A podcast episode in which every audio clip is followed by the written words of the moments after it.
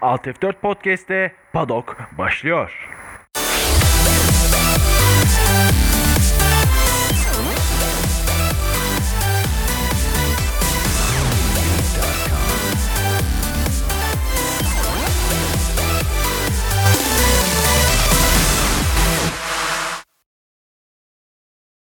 Alt F4 Podcast'te Padok pro- programı ile beraberiz. Ee, ben Hakan. Merhaba ben de Burak. Ee, bugün e, 2013 yapımı Rush filmini konu alacağız ve e, Nickelodeon ve James Hunt'ın kariyerlerini üzerine biraz konuşacağız. Ee, öncelikle e, bir not ekleyelim. Biz e, Padok'ta ufak bir rol değişimine gittik. Yani daha önceden bildiğiniz gibi e, moderatör Burak'tı, Burak Karaoğlu. E, bundan sonra e, yorumcu, kendisi yorumcu olacak ve moderatörlüğe ben geçeceğim. Evet e, moderatörümüz Hakan. İstersen lafı çok uzatmadan e, konuya gelelim. Gelelim abi. Önce senin yani filmle ilgili görüşlerini almak istiyorum. E, Rush filmiyle bildiğin gibi hepimizin sevdiği. Abi Rush filmi ben yani hep böyle şey e, ya biraz geç izledim açıkçası. Yani 2013'te çıkmasına rağmen hani herkes efsane film işte Formula 1 ile ilgili herkes efsane film. Serhan Acar defalarca e- efsane film diye yarışlarda bahsetti durdu falan hani sürekli bahsedildi ama ben bayağı geç izledim yani 2015'te 2016'da falan izledim ilk izleyişim. Ve hani işte üçüncü izleyişimi yaptık. Bu, ben şahsen üçüncü izleyişimi yaptım bu hafta ve hani hala bir 10 kere daha olsa izlerim herhalde yani. Ben de gerçekten ben herhalde bir 2014 yani çıktıktan bir sene sonra falan bir izlemiştim. Yani e, DVD'si vardı. Gerçekten yani bayağı hoşuma gitmişti o zamanlar Formula 1'e yani daha fazla takip etmem yani onun, onun sayesinde belki daha fazla bu kadar takip ettiğim şey yaptım yani bu kadar ilgiliyim. Yani gerçekten Abi. Formula 1'i insanlara sevdirmek için yani çok güzel bir yapıt ortaya koymuşlar. Evet o benim özürlülüğüm yani. Benim biraz film dizi özürlülüğüm vardır. Yani ben işte seninle filmini bile işte 15 sene sonra izledim yani. Şeyim yani çok film izleyemeyen bir adamım böyle. 2 saat bir şeyin başına oturup odaklanamayan bir adamım. O yüzden benim tembelliğimden dolayı izlemedim ama keşke izleseymişim diye düşündüm. Çünkü şöyle hani e, tabii biraz film şeylerle dolu. Hani e, gerçek gerçekte olan şeylerin biraz böyle süsleyerek anlatıldığı bir kıvam var filmde. Çünkü işte okuduğumuz makalelerde ve dinlediğim işte e, e, bunun üzerine bir tane de e, Red Bull'un bir podcast'i vardı. E, e, yabancı bir podcast. Onu da dinledim ben. Orada da anlatılıyor zaten bunlar. Hani şey e, biraz böyle süslemeler var. Filmde olmayan şeyler falan var. Onlardan bahsedeceğiz zaten filme girince. Pardon gerçekte olmayan şeyler filmde var. Onları bahsedeceğiz. Aynen öyle.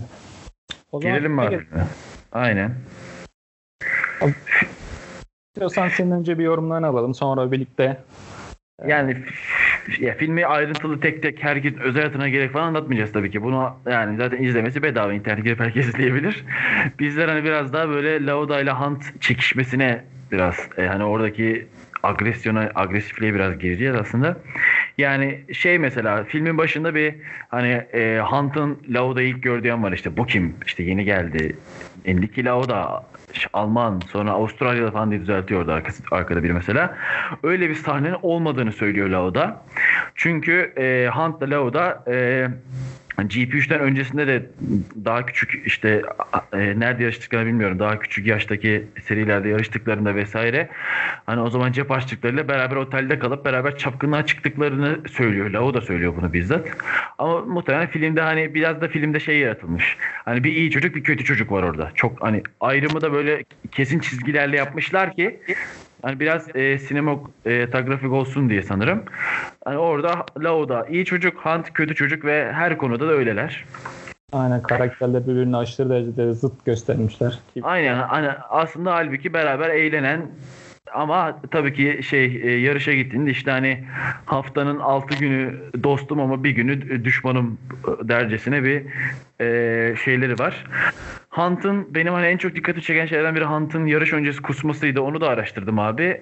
E, sürekli alkol içen bir arkadaşımız olduğu için hani içtiği alkoller yarış esnasında kafasına bulandırmasın diye kusup alkol at, atmak için kusuyormuş aslında.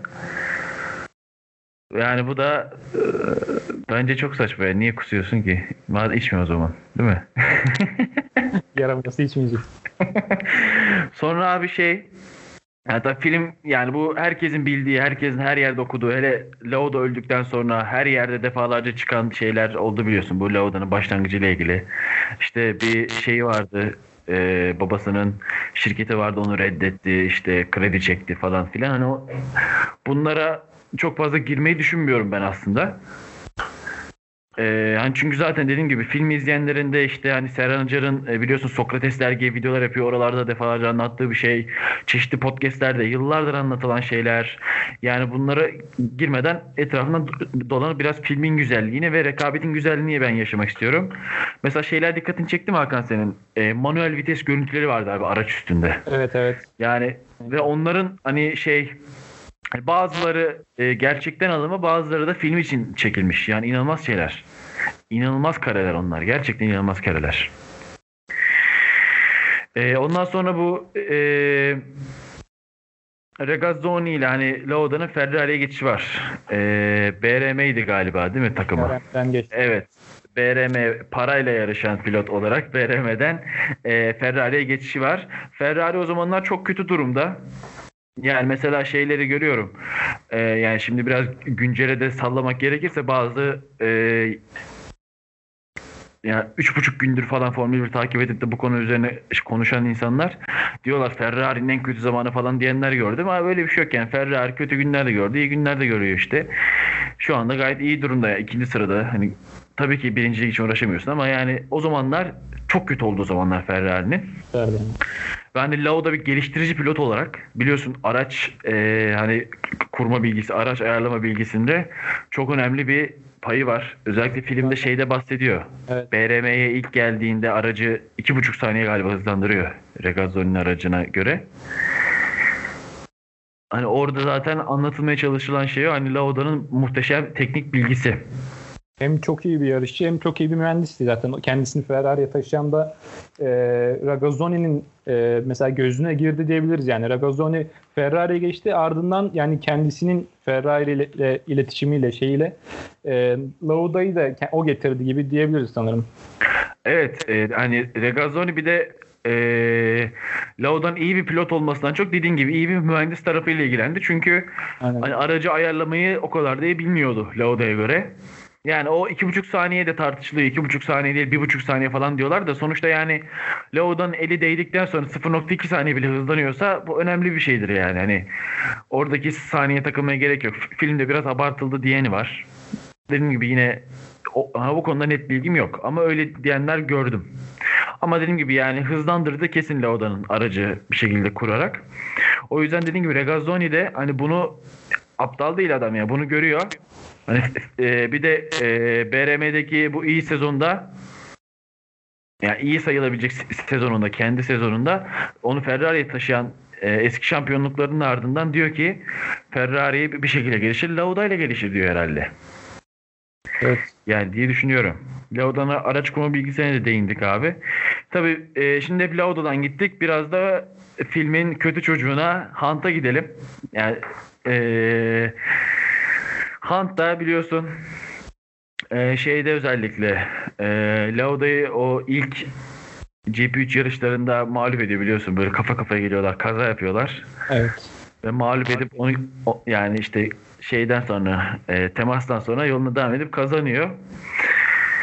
Ee, ve Hunt o sezon işte kutlamalarda şey öğreniyor biliyorsun. Ferrari'ye şey pardon e, BRM ile anlaştı diyor Lauda.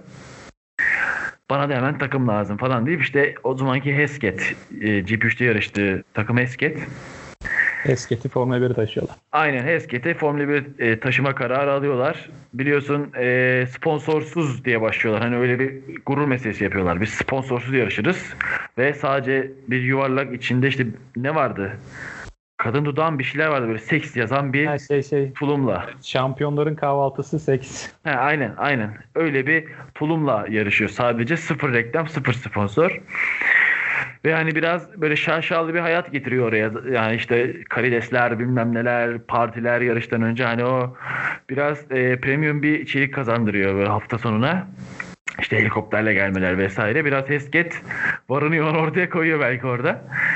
Ee, Han, dediğim gibi burada hani bir e, film bittikten sonra gerçi değineceğiz ikisinin arasındaki tam ayrım ama bir efsane arıyorsak ben burada efsaneyi Lauda olarak görüyorum. Hani Hunt e, saf yetenek, çok hızlı saf yetenek ama bir sürü bence e, psikolojik problemle uğraşan ve e, yani çok çalışkan olmayan bir insan gibi duruyor. E, bizim filmde gördüğümüz kadarıyla. Çünkü mesela La- Lauda hakkında daha fazla bilgiye sahibiz. Gerek makalelerden gerek işte bir sürü videodan, içerikten. Ama Hunt'la ilgili o kadar çok şey yok. O yüzden hani Hunt'ı biraz kişiliğini aslında filmde gördüğümüz gibi gördük değil mi? Sen de öyle görmüşsündür muhtemelen. Evet zaten Hunt 45 yaşında sanırım 93'te vefat etti zaten. Yani 45 yaşında yani bu hep gece hayatı, uyuşturucu falan, alkol hep bu tarz şeylerle Formula 1 kariyerini zaten sona erdirdi ve yani Evet yani ben o yüzden işte hani Hunt'a efsane demeyi biraz şey görüyorum. bence Yani yani. çünkü hani aldığı şampiyonluk da işte Lauda'nın yokluğundan dolayı aldığı birinciliklerle gelen bir şampiyonluk. Hani ona ona da tabii ki pist üstünde kazanmış ama hani ne kadar hak edilmiş bir şampiyonluk diyebiliriz o da meçhul. O yüzden eee, ben bir efsane olarak görmüyorum asla. Burada hani eğer bu filmde bir efsane varsa o da Niki Lauda'dır. Çünkü sonrasında yaptıklarıyla da efsanedir. Yani hem Mercedes'e kattıkları yakın Tabii tabii. Ya onları filmden sonra konuşalım istersen. Araya şu an bir şey girdik böyle bir. Devam edelim abi. Başka ne var şimdi sırada? Ee, ee, söyleyelim istersen. Mesela F1 Racing adlı bir dergi var. E, Lauda ile ilgili o muhteşem e, yarış diye bir makalesi var. Ondan biraz bahset istersen. aynen. Araya onu sokayım şimdilik. Sonra e, filmden devam edelim. Evet. Abi F1 Racing'de bir dediğim gibi bir seri yayınlandı ee, Temmuz sayısında. O muhteşem yarış e, 1973 Monaco Grand Prix'si ile başlıyor. İşte e, BRM'deki bir sezondan örnek veriyor. Parası bitmek üzere olan Lauda bir F1 koltuğunu hak ettiğini ispatlamak zorundaydı. O da BRM'deki takım lideri Regazzoni'ni sıralama turlarında geride bırakarak ve vites kutusu sorunu çıkartana kadar yarışı 3. sırada götürerek tam da bunu yaptı diyor. Yani BRM'de e, önemli yani e, iyi pilot olduğunun ilk sinyallerini verdiği bir hafta so- sonu olduğu için 1973 Monaco Grand Prix'sini burada önemli olarak e, göstermiş F1 Racing. Sonra 75 Monaco var. Ee, yarış önce ıslak zemine başladı. Ardından da kurudu. Bu sırada Lauda önce e, Ronnie Peterson ardından Emerson Fittipaldi tarafından kovalandı. Ancak en ufak bir hata yapmayarak galibiyeti uzandığı ilk şampiyonluğa gidecek yolda ilk adımını attı diyor. 75'te şampiyonluk öncesi Lauda'nın e, Ferrari ile uçtuğu zamanlar. Daha sonrasında 76 İtalya Grand Prix'si var biliyorsun. E, kazadan dönüş Grand Prix'si. Onu da birazdan filmde bahsedeceğiz. E, F1 şöyle aktarmış. Muhtemelen motorsporları tarihindeki en büyük geri dönüş. Lauda e, Nürburgring'de geçirdiği ölümcül kazadan yalnızca 6 hafta sonra Monza'da kokpite geçti. Hafta sonu biraz sıkıntılı başlasa da pazar günü yarış kahramansı bir dördüncülük elde etti diyor. E, şimdi Buradan sonrasını film bitirdikten sonra devam edelim istersen. Çünkü bundan sonrası filmle ilgili değil. Ee, bu ilk 3 yarış da söyledikten sonra ben istersen filme gireyim tekrar abi. Aynen. Hesketh'in batışı ve e, anlaşması şeyin e, Hunt'ın. Orada yine filmde böyle Hunt'ın McLaren'e işte yalvarışı böyle ne olur e, takım elbise giyerim şunu yaparım bunu yaparım dişi var. Onun da tamamen düzmece olduğunu Lauda söylüyor. Öyle, öyle bir şey e, e, e, yaşanmadığını yine Hunt söylemiş zaten.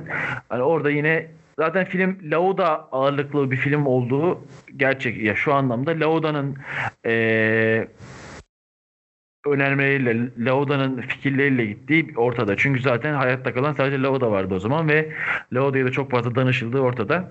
Hani Lauda olmadı diyorsa olmamıştır diye düşünüyorum ben de öyle bir şey. O yüzden bunu geçelim abi. Zaten Biraz-.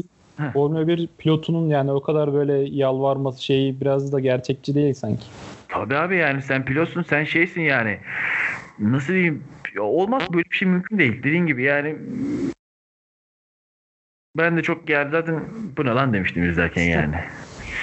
Sonra aynen Ferrari'ye geldik. Şey e, Lauda'nın Ferrari kariyerine geldik abi. İlk sezon 38 puanla 4. sırada bitiriyor ki bu aslında bir şey oluyor. Yani Ferrari'nin geri dönüşü açısından e, her ne kadar Regazzoni'ye yenilse de ilk sezonunda Ferrari'nin geri dönüşü açısından önemli bir aşama oluyor.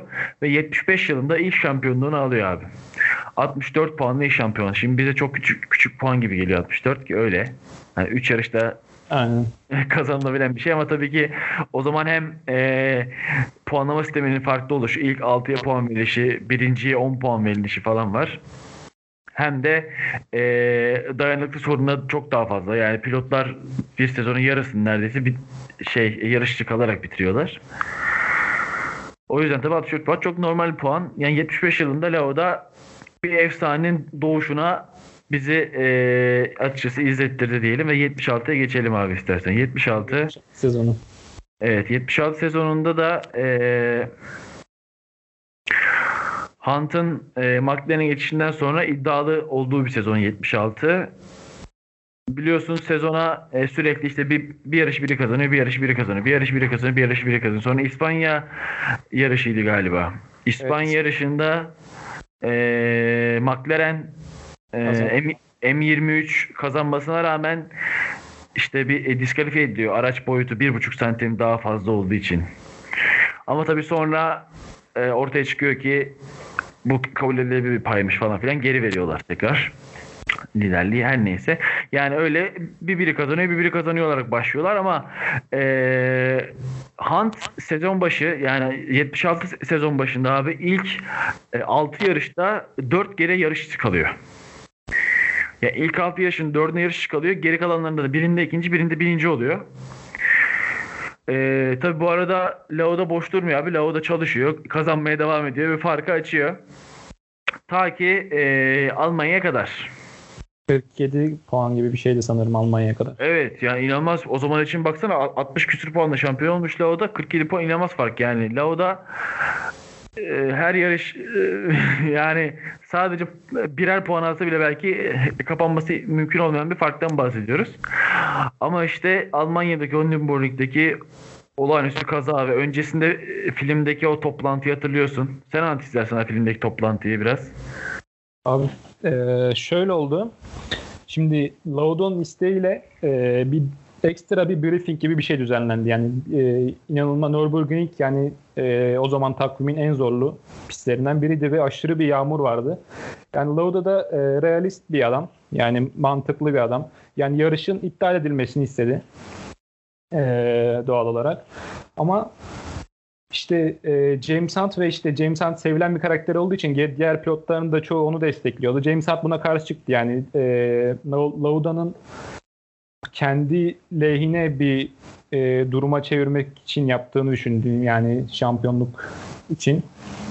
Yani bu sebeple yani oy, oylarda işte yarış tek e, devam edeceği açıklandı ve yarış oldu yani. Abi de o zaman Nürburgring biliyorsun 15 kilometre falan yani tek turu. 14-15 kilometre. 13 tur koşuluyormuş yarış zaten. Hani ve e, pistin birçok yerinde e, kurtarma şeyi yokmuş yani. Zaten çok uzun pist olduğu için biliyorsun hani şu anda da Almanya Grand Prix zamanı falan da böyle sürekli bahsedildi. Ormanlara kadar uzayan giden ileriden dolanan bir pist. Hani ve hani e, bu şey stadyum bölgesine yakın taraflarda yani bu asıl e, start finish düzlüğüne yakın taraflar haricindeki uzak orman içindeki kısımlarda mümkün değil herhangi bir kaza yaptığı zaman onu anda kurtarabilmek. Yine Allah'tan Lauda e, ikinci turun başında hemen başında yani çok fazla ormanın içine girmeden yapıyor kazayı abi. E, tabii orada hem e, kaza hem de sonrasında iki tane aracın Lauda'ya vu- vuruşu falan var tabii. Orada işin e, vehametini arttıran şeyler biraz onlar. E, hani sonrasında yaşananlar Lauda'nın e, işte tamamen yanmış yüzüyle ve e, balçıkla kaplı ciğeriyle hastaneye yatışı. İşte filmde oralar çok güzel anlatılmış abi. Yani orada tekrar işte şey mesela arkada yarışı izliyor mizanseni yaratılmış. Sürekli arkada Hunt kazanmaya devam ediyor. Lauda da ciğerinden işte balçık aldırıyor. Evet. Yani orası güzel işlenmiş bence. Yani mantığını da orada güzel vermişler diye düşünüyorum. Ee, yani bu yüzden tabi orada şey var biliyorsun ee, bir daha yap doktor diyor Lauda. Hani orada hırsın hani geri dönmek için aslında istekli olduğunu anlatan bir şey. Ee, ve hani sonra geri dönüyor zaten. Bu inanılmaz. Evet 6 hafta sonra İtalya Grand Prix'de Monza'da geri dönüyor. Az önce zaten F1 okuduğum gibi Monza'da geri dönüyor abi. Ve ondan sonra e, tabii e, 76 yılında yine şey devam ediyor ama. Yani McLaren M23 ile e, Hunt kazanmaya devam ediyor. Hiç şey yapmıyor tabii ki. E, İtalya'da yarışçı kalmasına rağmen Kanada ve Amerika'da kazandıktan sonra Japonya'ya son yarışa geliyor. Bir de şimdi hani İtalya'da geri döndüğü düşünüyoruz biz. E, İtalya'da dördüncü oluyor değil mi? Ben mi yanlış hatırlıyorum? Evet, İtalya'da dördüncü bitiriyor yarışı. Ve e, o yarış hani e, Hunt'ın yarışçı kalışı da önemli. Ve sonrasında Hunt Kanada ve Amerika kazandıktan sonra dediğim gibi Japonya'ya geliniyor abi. Japonya yarışı biliyorsun bir skandal. Almanya'dan daha ağır şartlar var belki. Ve hani e, bu sefer Hunt diyor bu yarış iptal edilmeli diyor falan böyle. Ama orada hemen e, McLaren temsilcisi kimdi bilmiyorum. Diyor ki hayır işte yarışılacak herkes sizin şampiyonluk mücadelenizi bekliyor falan diyor. Ve yarışılıyor abi ama ne oluyor? Bir tur sonra Lauda geri geliyor. Niye geri geliyor abi? Çünkü biliyorsun filmde de işlenen eşine bir lafı var. Evlendikten sonra ettiği bir laf var. Artık düşünmem gereken biri var diye yarışırken. Evet.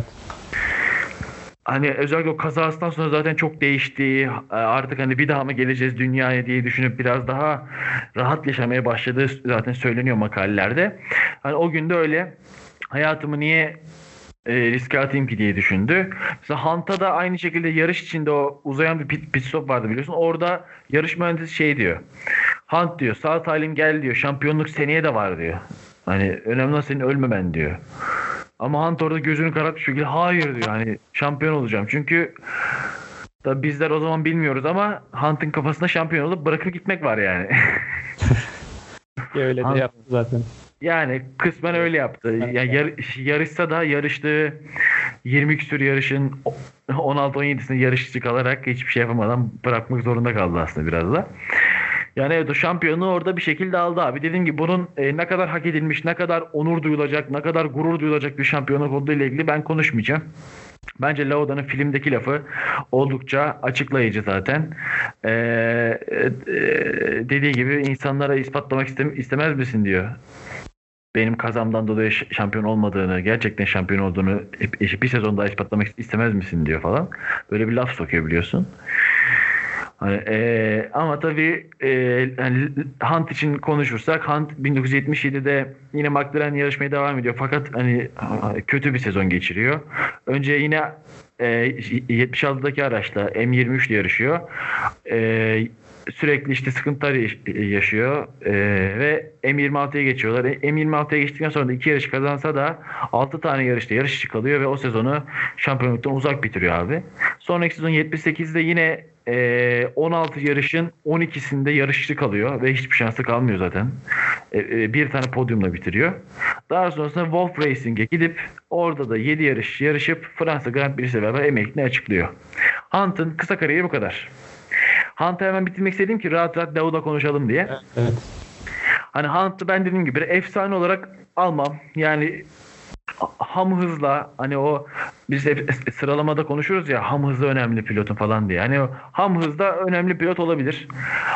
Hırslı pilot da olabilir. Yani hani o yıl işte 76'nın sonundaki o hırslı o sürekli kazanması falan önemlidir ama bir efsane midir? Asla. Yani bir şampiyonlukla efsane olunsa o zaman ee, biz şu anda iki şampiyon olan Alonso'yu dört şampiyon olan Fethel'i falan eleştiriyoruz. Ee, yani gerek. bir şampiyonlukla ve sonrasında kaçıp gitmekle ve hani şampiyonlukta şaibeli, şaibeli demeyeyim de hani daha az etkili bir şampiyonlukla efsane falan olmaz abi. Onu bir kenara bırakıp rahat rahat Lauda'ya geçelim. Ya filmi bitirelim istersen yavaştan. Yavaştan bitirelim. Evet filmi bitirelim. Ben şu şeye devam edeyim mi? Aha. Ee, o, o muhteşem yarışın geri kalan yedisini hemen okuyayım abi. E, 1977 Güney Afrika Grand Prix'sini seçmiş yine FA Racing. E, Tom Price ve bir pist görevlisinin hayatını kaybettiği yarış olarak hatırlanan e, Kialami aynı zamanda Lauda'nın e, Nürburgring kazasının ardından elde ettiği ilk zaferdi. Yarışın başında Hunt'ı geçmiş ve aşırı ısınan Ferrari'sini bir şekilde damalı bayrağın altından ilk sırada geçirmeyi başarmıştı. 78 Monaco'ya geldik. 78 Monaco Grand Prix'sinde Lauda her zaman hesapçı mentalitesiyle tanınır ancak bu durum onun hızını gölgelememeli. Aldığı darbenin ardından 6. sıradaki Brab Brabham alfasıyla diğerlerinden tur başında 1.9 saniye hızlı olan Lauda yarışı ikinci sırada tamamlamıştır. 1982 Amerika Grand Prix'si.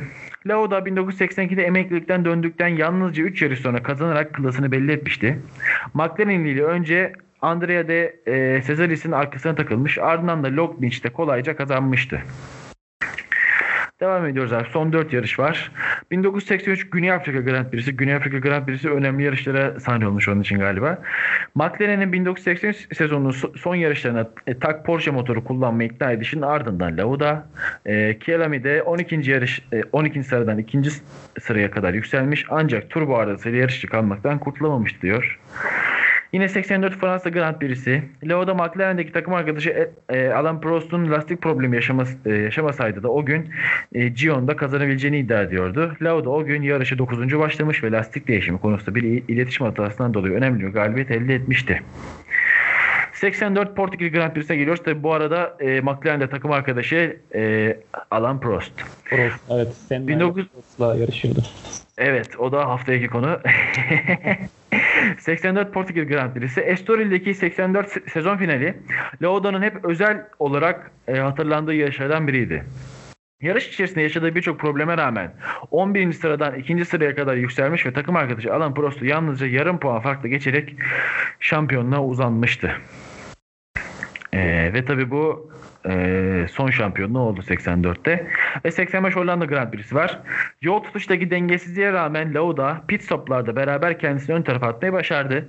Takım arkadaşı Prost yarışın son bölümünde kendisine yaklaştı ve büyük bir atak yaptı ancak Lauda buna direnerek kariyerinin 25. ve son galibiyetini yalnızca 0.2 saniye ile almış oldu. Şu anda 0.2 saniye bir yarış bitse biz herhalde kafayı yeriz. Kafayı yeriz abi. evet abi biraz Hunt'tan bahsedelim. Sen varsa soruların veya bana e, yöneteceğin bir şeyler sorabilirsin. Ben de sana Aslında soru sorayım biraz. Önümüzdeki haftaya çok da kaymak istemiyorum ama şimdi mesela Formula 1 şu an dünyada çok ünlü bir motorsporu. Ve bunun bu Formula 1'in bugünlere gelmesinde yani birkaç faktör var. Mesela e, Senna Prost e, kapışması var. Ve yani sana şöyle bir şey soracağım. Yani buna e, Lauda ve Hunt'ın rekabetini de ekleyebilir miyiz sence? Yani e, o zamanki e, Formula 1'in popülerliğini sence bugünlere gelmesine etkili rol oynamış mıdır? Yani dediğim gibi bir Lauda Hunt rekabetinden bahsetmek yani bir sezonda olmuş bir şey. Sadece bir sezon Lauda ile Hunt rekabet etti. Hani biraz filmi çıktığı için böyle bir efsane bir rekabet olarak anılıyor ama bence Lauda Hunt rekabet diye bir şey yok. Lauda yani hani orada eğer Formula 1'i bir yere taşımış birini arıyorsak bu Lauda olur bence. Hani mesela şeydeki gibi. Hani bir Hakinen Schumacher çekişmesi falan diyorlar. Öyle bir çekişme yok abi. Schumacher ıı, aldı götürdü yani. Öyle bir çekişme falan yok. Ona benzer bir şey aslında bence.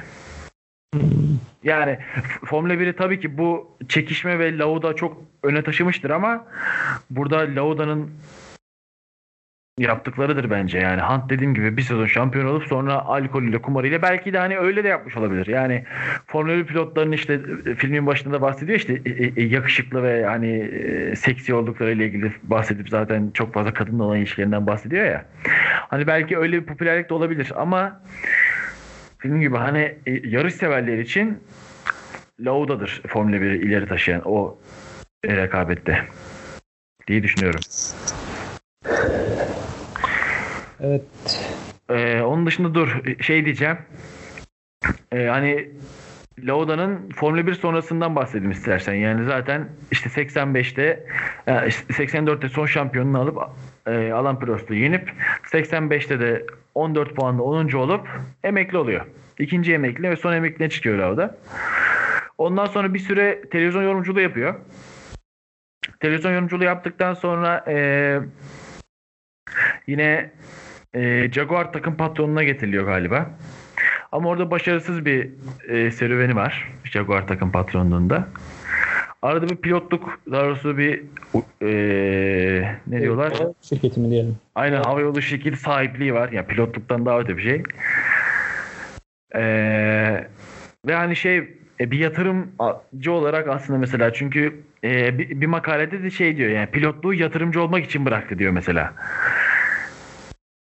Yani çünkü hep biliyorsun 3 tane havayolu şirketi kurmuş abi. Üçünde kuruyor, geliştiriyor, satıyor. İşte şey e, Air Berlin'e falan satmış mesela bir tanesini. Kuruyor, Güzel. geliştiriyor, satıyor işte şey Lauda Air'ı.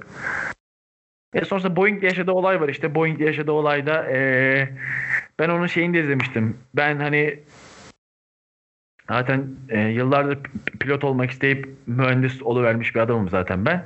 Hani uçak kazası raporlarında falan çok izleyen bir adamım. Biliyorsun şimdi National Geographic'te. Orada e, belgeselinin biri Lauda Air'dı abi konusu. Ve çok e, özellikle defalarca izlemiştim onu da. Orada e, işte bir motor arızası nedeniyle yani Boeing'in yaptığı bir motor arızası nedeniyle uçağın düştüğünü ispatlamak için yıllarca uğraşıyor abi Lauda. Ve uğraştıktan sonra e, hem yani dünyadaki e, birçok belki de ölümü engelliyor. Belki de o Boeing e, 700 e, tam şey modelini bilmiyorum şimdi sallamayayım. Sen biliyor musun abi? 137. 137 okey. Onun e, güvenliğini sağlıyor ve o uçak yüzünden o uçaktaki motor arızası yani e, fabrikadan çıkıştaki motor arızası nedeniyle başkalarının ölmesini engelliyor. Bu da önemli bir şey. Yani yıllarca uğraşıyor hem firmasının kendi adını temize çıkarmak için hem de başkaları ölmesin diye uğraşıyor abi bu adam. İşte kazadan sonra farklı bir insan olduğunu o yüzden söylüyorlar. Yani mesela kazadan önce iyi bir pilottu. Kazadan sonra hem iyi bir pilot hem mükemmel bir insan oldu diyorlar. Çünkü kazadan önce çekilmez bir insanmış. Benim okuduklarıma göre. Ee, ondan sonra zaten bildiğimiz gibi Me- Mercedes'in doğuşunda Lauda'nın etkisi, Hamilton'ın e, gelişi. Zaten Hamilton'ı Mercedes'e Lauda getirtmiş yanlış bilmiyorsam. Evet, o, çok olmuş diyelim. aynen o ara hani hem e, Vettel'le de görüştükleri söyleniyordu. Vettel Hamilton arasında Hamilton'ı tercih etmişler.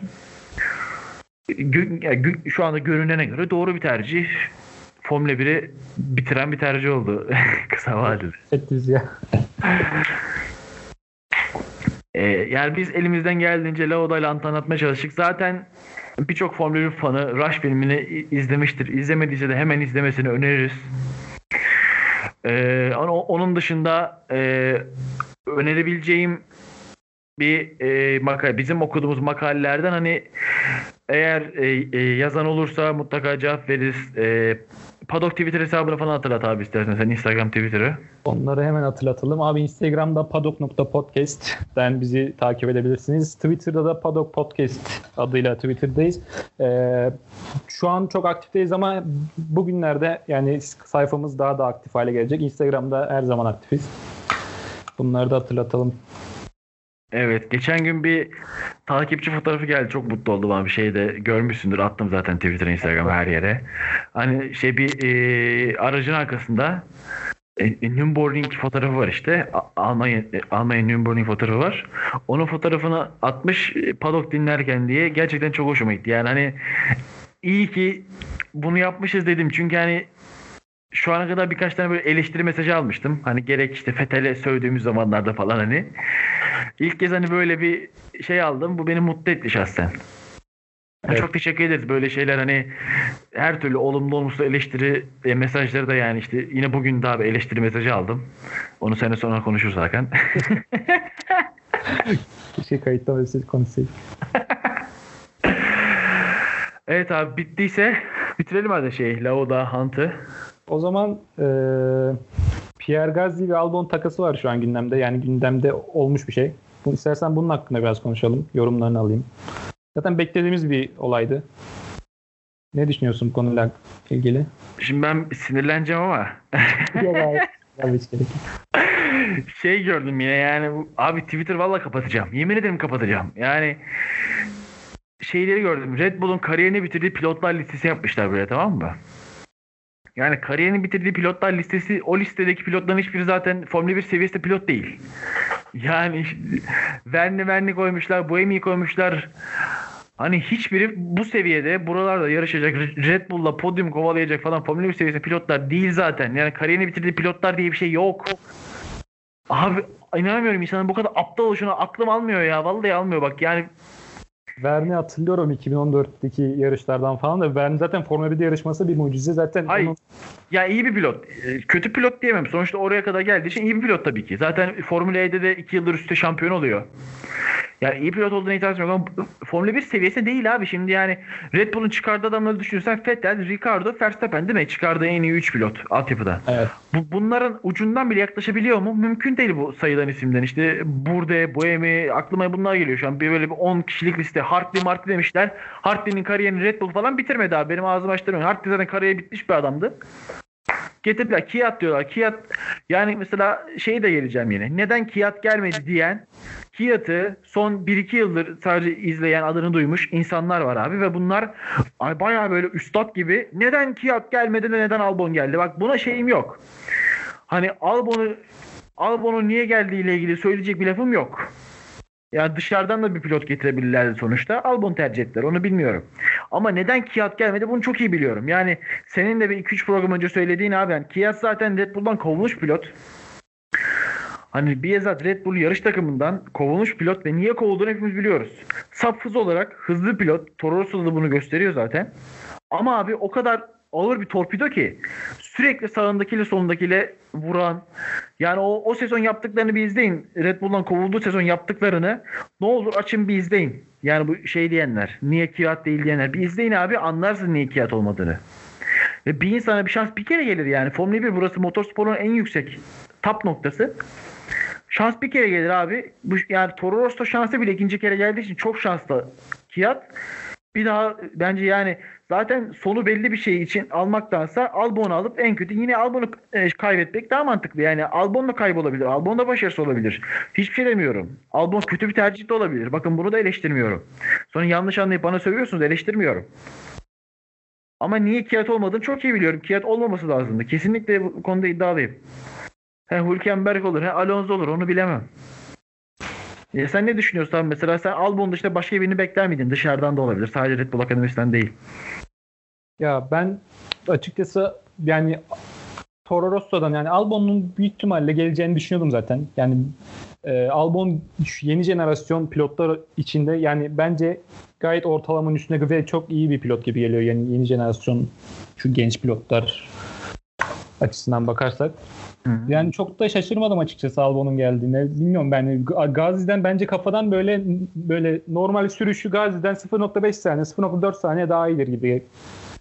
Yani Ha bir de şu var mesela hani şey diyorlar ya araç aynı değil Verstappen'le.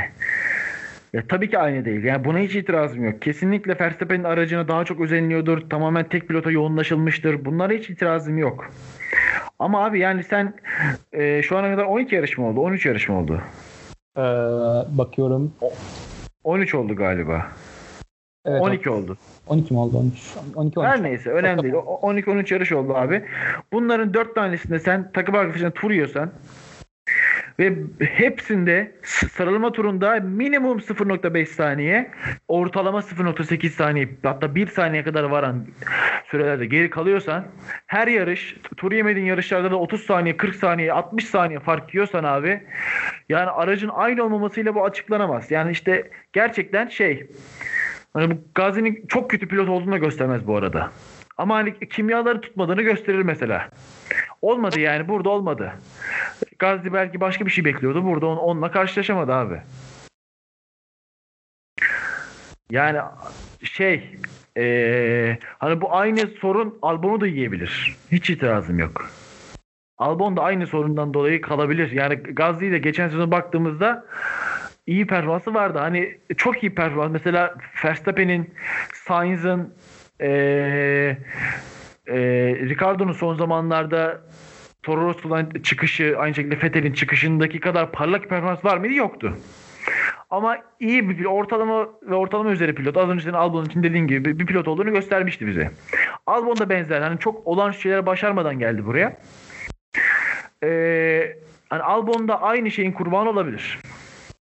Ama Yani- hani bu dediğim gibi- heh, Yani bugün motosportta bir makale okudum. Yani hani biraz önce dedik ya e, yani Red Bull'un kariyerini bitirdiği pilotlar yani kısmen şey yani mesela e, Gazi'nin kariyeri şu an bitmedi. Bence Red Bull'un Yani o makale oturduğum kadarıyla bana da çok mantıklı geldi. Red Bull'un şu an yapmaya çalıştığı şey 2020'de yani hangi pilotla yola devam edeceklerini karar veriyorlar yani. Bana gayet de mantıklı geldi. Sen ne düşünüyorsun? Yani şöyle şimdi tabii ki Red Bull'dan Toro Rosso'yu düşürmek çok ciddi moralini bozacaktır. Kiat İspanya yarışında, yarışında Red Bull'dan Toro Rosso'yu düşürüldüğünde şey diyordu. Hani yaz arasına kadar kendimi toplayamıyorum. Psikolojim bozuldu falan diyordu o zaman. Kendi işte yaz arası gelince biraz tatil yapıp kendimi toplayacağım falan diyordu. Yani bu insana e, canını sıkan bir şey. Mutlaka senin de benim de başıma gelse haftalarca belki aylarca e, içinden çıkamayacağımız bir depresyona sürükler insanı bir kere. Evet. Ama Helmut Marko'nun galiba bir lafını okudum. Şey diyor hani Gazli için burası ağır geldi diyor Red Bull. Toro Rosso da tekrar neler yapabileceğini bize gösterebilir diyor. Ki Gazli'nin de bence de kariye bitmiş değil. Yani mesela Kiat'ın kariye bitmiş diyorlar. Kiat şu an yarışıyor. Yani öyle aptal aptal laflara gerek yok. Ki Gazli'nin adı ciddi ciddi e, e, Renault ile anılıyor. Renault'un seneye kesinlikle bir Fransız pilot getireceğini artık emin gibiyim. E, Ricardo'nun yerine ya Ocon ya Gazli gelecek. Ocon'un Mercedes anlaşması bekleniyor abi. Ocon'un Mercedes olayı çözülürse yani ya Mercedes anlaşacak ya da serbest kalacak tamamen. O gelecek. Olmazsa abi gidip Gazli'yi alacak Renault. Yani bir Fransız pilot kesinlikle arıyorlar. Ya Grosjean ge- gelmeyeceğine göre. Yani Gazli'nin kariye bitmiş değil. Yani hatta biraz tatil yaptıktan sonra, kafayı topladıktan sonra Toro Rosso'da yine e, e, geçen yılkine benzer veya işte Albon'un Kiat'ın yaptıklarına benzer orta sıra takımı işi yapıp seni hani Renault'da gönül rahatlığıyla alabilir. Anladın mı? Bitmiş değil. Kiat da bitmiş değil. Kiat da hala yarışıyor. Kiat muhtemelen seneye de Toro Rosso'da yarışacak. Kiat hiçbir, hiçbir yere yollamazlar. Muhtemelen yarışacak Kiat'ta. Evet. Bence burada hani Gazi'nin yani bu şey duygusallık var ya işte Gazi'nin kariyerini şey ettiler. Hiçbir şey bir şey etmiyor abi. Yani hani diyorum ya ben daha önce de Fetel konuşurken bahsetmiştim. Sen herhangi bir yaptığın işte 6 ay başarısız ol. Şutlarlar abi. Yani senin götüne bir şeyler sokarak şutlarlar hem de. Anladın mı? Öyle şutlarlar. Yani adam da başarısız oldu abi. Abi tabii ki yollanacak. Yani tabii ki yollanacak. Başarısız olan aman psikolojisi bozulmasın, aman canı sıkılmasın Gazi'nin falan deyip de tutulacak mı abi takımda? Apta apta konuşmayın. Bence şu an bu saatte sonra konuşmamızdaki yani Gazi Albon'dur. Albon neler yapabilecek? Bunu konuşabiliriz mesela. Sen ne düşünüyorsun? Albon neler yapar?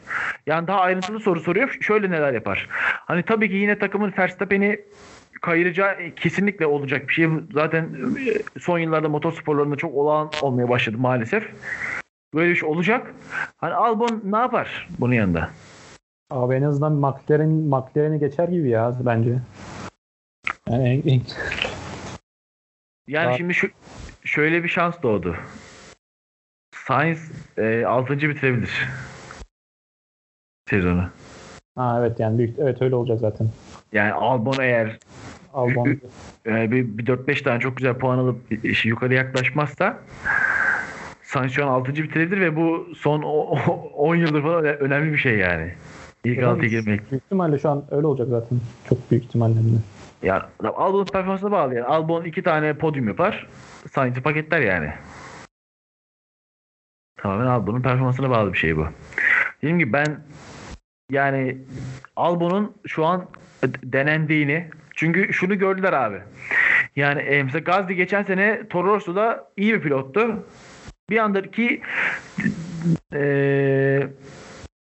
söylenene göre Gazli erken geldi. Gazli'nin bir sezon daha Toro Rosso'da pişmesi beklenecekti. Yani Ricardo kontratı kesin uzatır deniyordu. 2021'e kadar Ricardo kalır.